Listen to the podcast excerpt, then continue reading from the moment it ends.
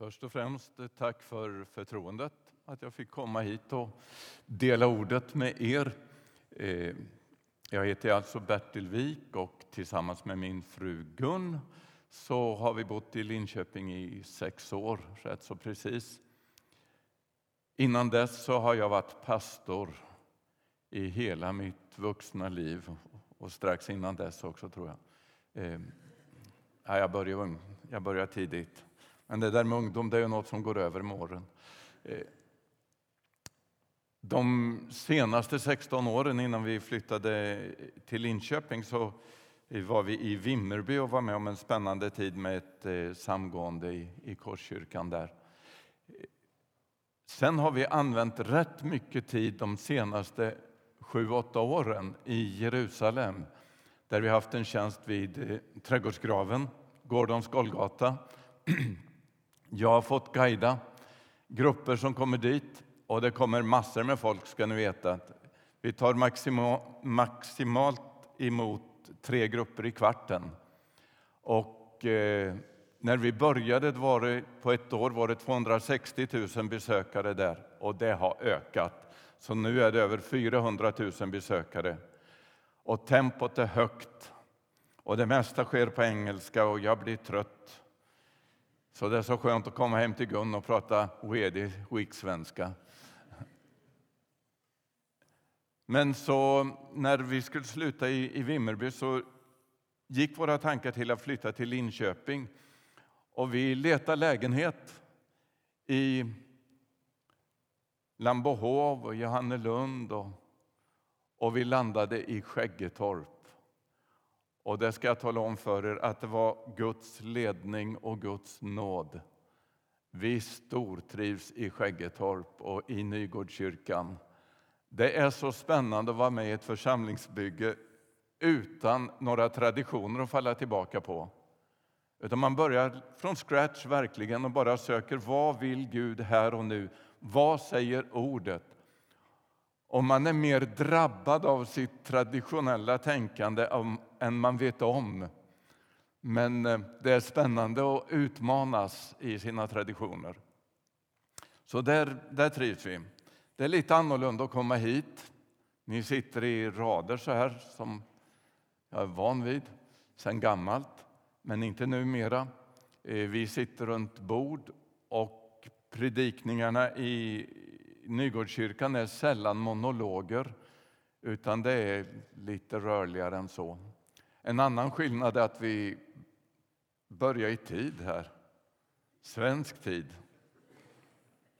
Börjar vi tidigt i Skäggetorp så är det en kvart efter utsatt tid. Men oftast är det 20 minuter sådär. Det får man vänja sig vid. Och så sjunger vi på en eh, sex, sju, åtta olika språk en normal gudstjänst. Eh, och här sjunger vi svenska. Det är ju avkopplande och skönt. Okej, okay det var lite bakgrund. Nu ska vi gå in i ordet. Och det är, delvis är det mitt fel att den här predikoserien inte går kronologiskt. För direkt när jag fick förfrågan om jag ville komma och tala över en av de här saligprisningarna i Matteus 5, då sa jag, får jag ta den första? Och ni har ju hållit på med serien ett tag och nu är ni framme vid början. Och eh, den lyder så här. Saliga är de som är fattiga i anden, för dem tillhör himmelriket. Det är en skillnad på den saligprisningen och alla de följande. Du har kanske observerat det här, men jag vill ändå stryka under det. Eh, om vi tar lite repetition på de andra så står det saliga är de som sörjer, för de ska bli tröstade. Futurum, framtid. Saliga är de ödmjuka, för de ska ärva jorden. Saliga är de som hungrar och törstar efter rättfärdighet, för de ska bli mättade. Saliga är de barmhärtiga, för de ska få barmhärtighet. Saliga är de renhjärtade, för de ska få se Gud.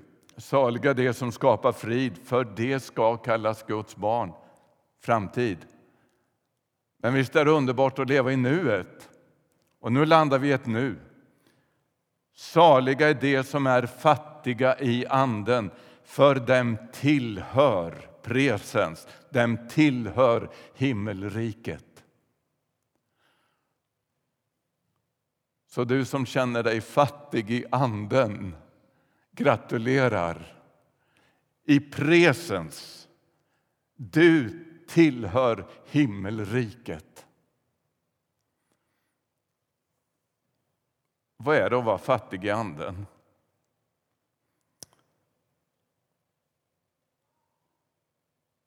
Det finns en, en rad bibelöversättningar, jag har tittat på några stycken, men det finns några stycken där man istället använder ordet ödmjukhet. Och en eh, kommentator som heter Schindler, han, han, i svensk översättning blir det här lite roligt tycker jag. Det som inte tilltror sig ha något att propsa på inför Gud. Alltså de som inte har någon berömmelse att komma med inför Gud. De som är fattiga i anden. Och det är ju generellt så att vårt, vår fattigdom aldrig är ett problem för Gud. Men att vår rikedom kan vara ett problem för Gud. Och nu talar jag inte bara om ekonomisk rikedom utan om våra resurser, generellt talat. Och som jag läser Bibeln så är den rikedom farlig som liksom triggar vårt ego, som uppmuntrar vår själviskhet, vårt jag.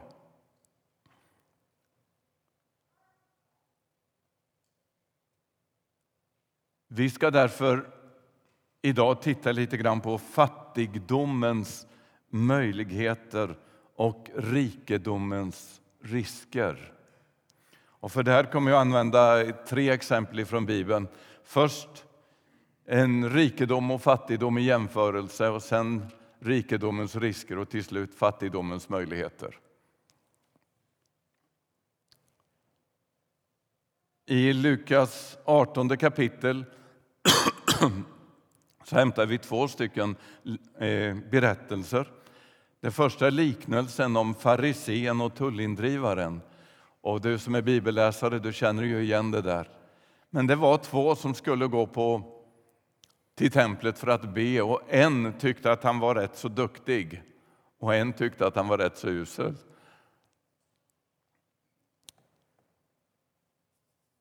Farisén stod och bad för sig själv. Gud, jag tackar dig för att jag inte är som andra människor roffare, brottslingar, äktenskapsbrytare eller som den där tullindrivaren. Jag fastar två gånger i veckan. Jag ger tionde av allt jag får in. Det är som att han läser ur sin vad ska vi kalla det, religiösa betygsbok. Det är rätt höga betyg här på mig. Jag är rätt så duktig. Eller sin religiösa bankbok. Det är rätt mycket på mitt pluskonto. Medan den där farisén, eh, tullindrivaren, förlåt, medan tullindrivaren stod långt borta och bad för sig själv och han säger för Gud, förlåt en syndare som jag. Han kom med sin andliga fattigdom och blottade sin fattigdom. Hur såg hans betygbok ut? Icke godkänd. Icke godkänd. Hur såg hans bankbok ut? Bara röda siffror. Han hade inget. Och vad säger Jesus? Han gick därifrån mera rättfärdig än farisén. Det var inte det som kunde vara vår berömmelse som var avgörande utan vår öppenhet för vilken brist vi egentligen har som var avgörande. Jesus säger om de här var och en som upphöjer sig ska bli förödmjukad men den som ödmjukar sig ska bli upphöjd. Salig är du som är fattig i anden. Dig tillhör himmelriket. Nästa exempel, det är också från Lukas 18, det är om när en högt uppsatt man, och läser vi lite parallellställen så har vi, får vi reda på att han är en ung man och att han är en rik man. Och han frågar Jesus, vad ska jag göra för att få evigt liv? Och Jesus förhör honom om buden. Och det ser ju bra ut. Jag har hållit alltihopa där. Men Jesus säger, ett fattas dig. Sälj allt vad du äger. Gör dig av med rikedomen. Kom sen och följ mig. Då blir han riktigt bedrövad och, och så kommer en märklig passus här när Jesus säger hur svårt är det inte för den som har pengar att komma in i Guds rike. Hur svårt är det inte för dem som har resurser att komma in i Guds rike. Ska vi ta ett annat ord för det? Hur svårt är det inte för den som är stöddig att komma in i Guds rike? Och så säger han, det är lättare för en kamel att komma in genom ett nålsöga.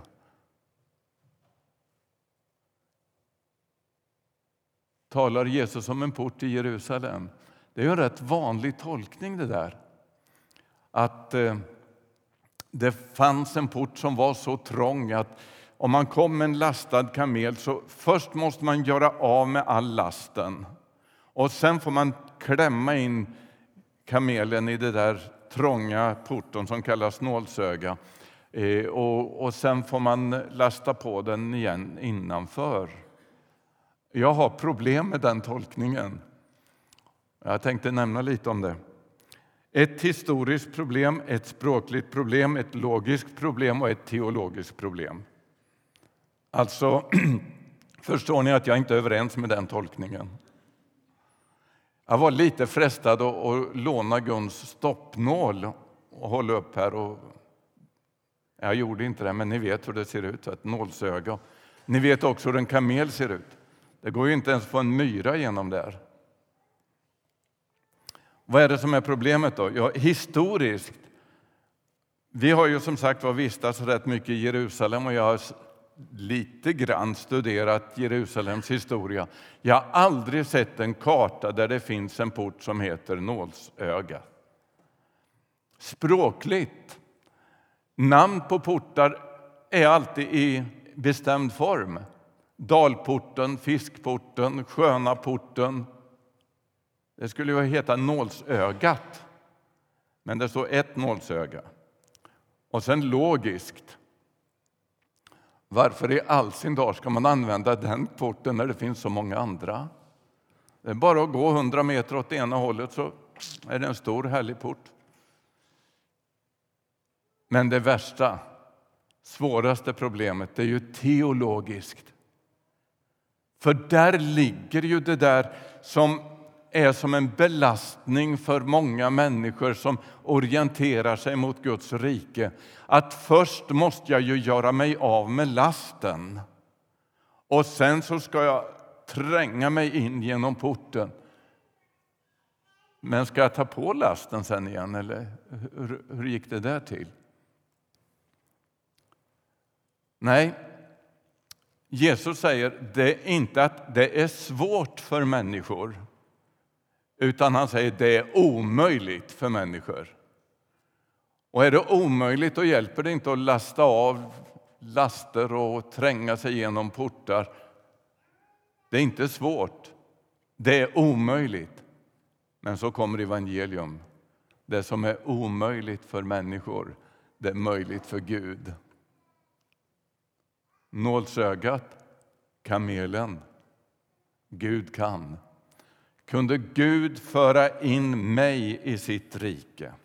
Kunde Gud föra in dig i sitt rike, då är ingenting omöjligt för honom. Men rikedomen hade sina risker. Fattigdomens möjlighet då? Ja, då vill jag ta ett exempel från Gamla testamentet, från Andra Kungabokens fjärde kapitel där profeten Elisha ställs inför ett problem. En av hans elever har dött och änkan som är fattig kommer till honom och säger att fordringsägarna vill ta båda sönerna till slavar.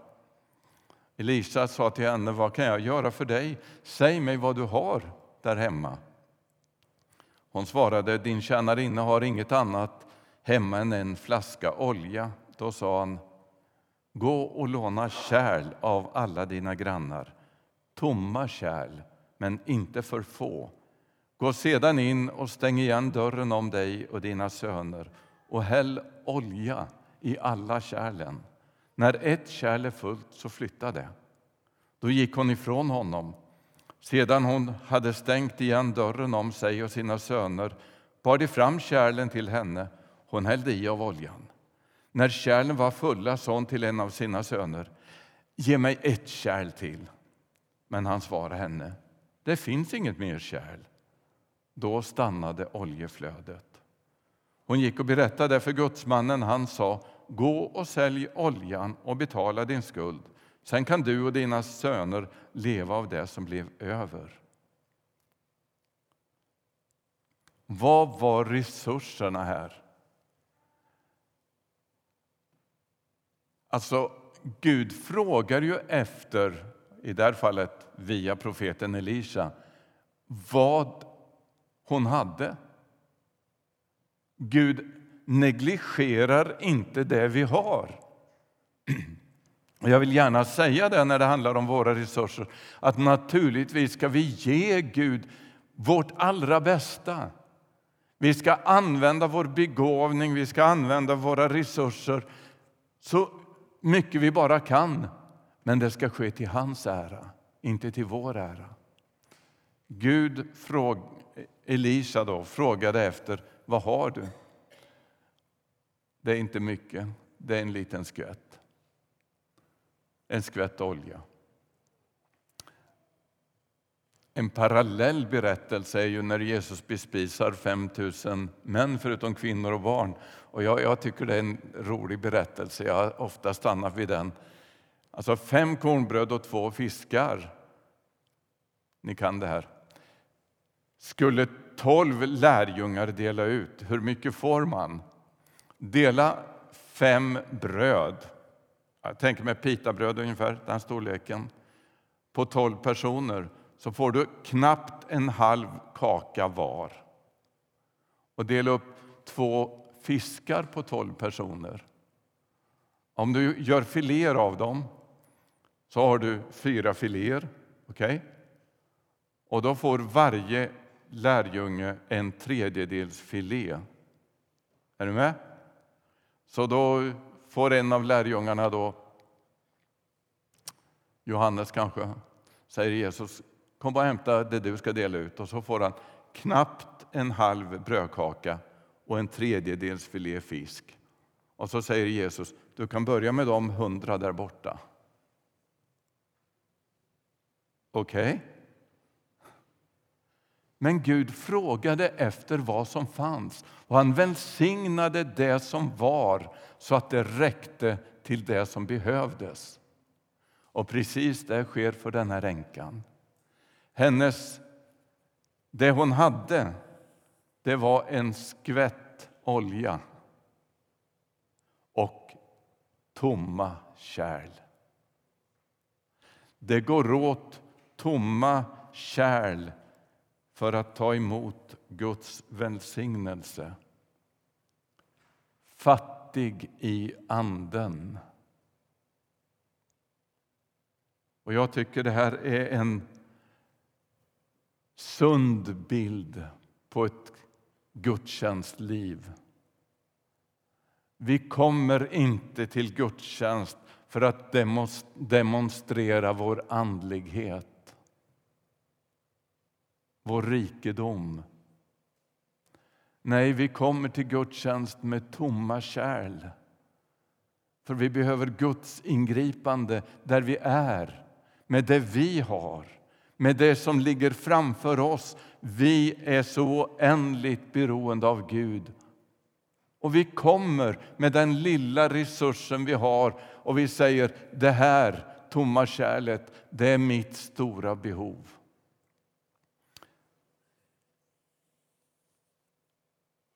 Jag vet inte om du också har frestats någon gång till att uppträda mer andligt än vad som motsvarar ditt andliga liv. Ibland kan det vara så där när man är på gudstjänst. Nej, det kanske bara är jag, men om jag tar ett sånt här utlämnande exempel. Det är bönestund och mina tankar glider iväg någon helt annanstans och så kom jag på mig med det och så har jag grannarna omkring så då säger ja tack käre Jesus. Så att de ska höra att jag egentligen ber. Ja, det var bara jag som kände igen mig där. Eh. Men frestelsen att demonstrera en andlighet som inte är sann kan vara den rikedom som Jesus varnar för. Att våga uppenbara sin fattigdom och vara ärlig med den, det har två konsekvenser. Dels skapar det en atmosfär som är välkomnande för dem som inte känner sig så lyckade. Och dels ger det mig en möjlighet att ta emot det jag djupast sett verkligen behöver. Och då landar jag i avslutningen i Magnificat, i Marias lovsång, en liten fras ur den lovsången som har talat så till mig så många gånger. Hungriga har han mättat med sitt goda och rika har han skickat tomhänta bort. Hur är det med vår hunger? Den som känner sin hunger är den som står i position för välsignelsens möjligheter. Saliga är de som är fattiga i anden. För dem tillhör himmelriket. Och Herre, med vår längtan, med vår brist står vi inför dig men vi vill inte dölja vår fattigdom för vi vill så gärna ta emot den välsignelsen som ligger i den saligheten. Tack att vi får tillhöra himmelriket, inte på grund av det vi är utan trots det vi är. Amen.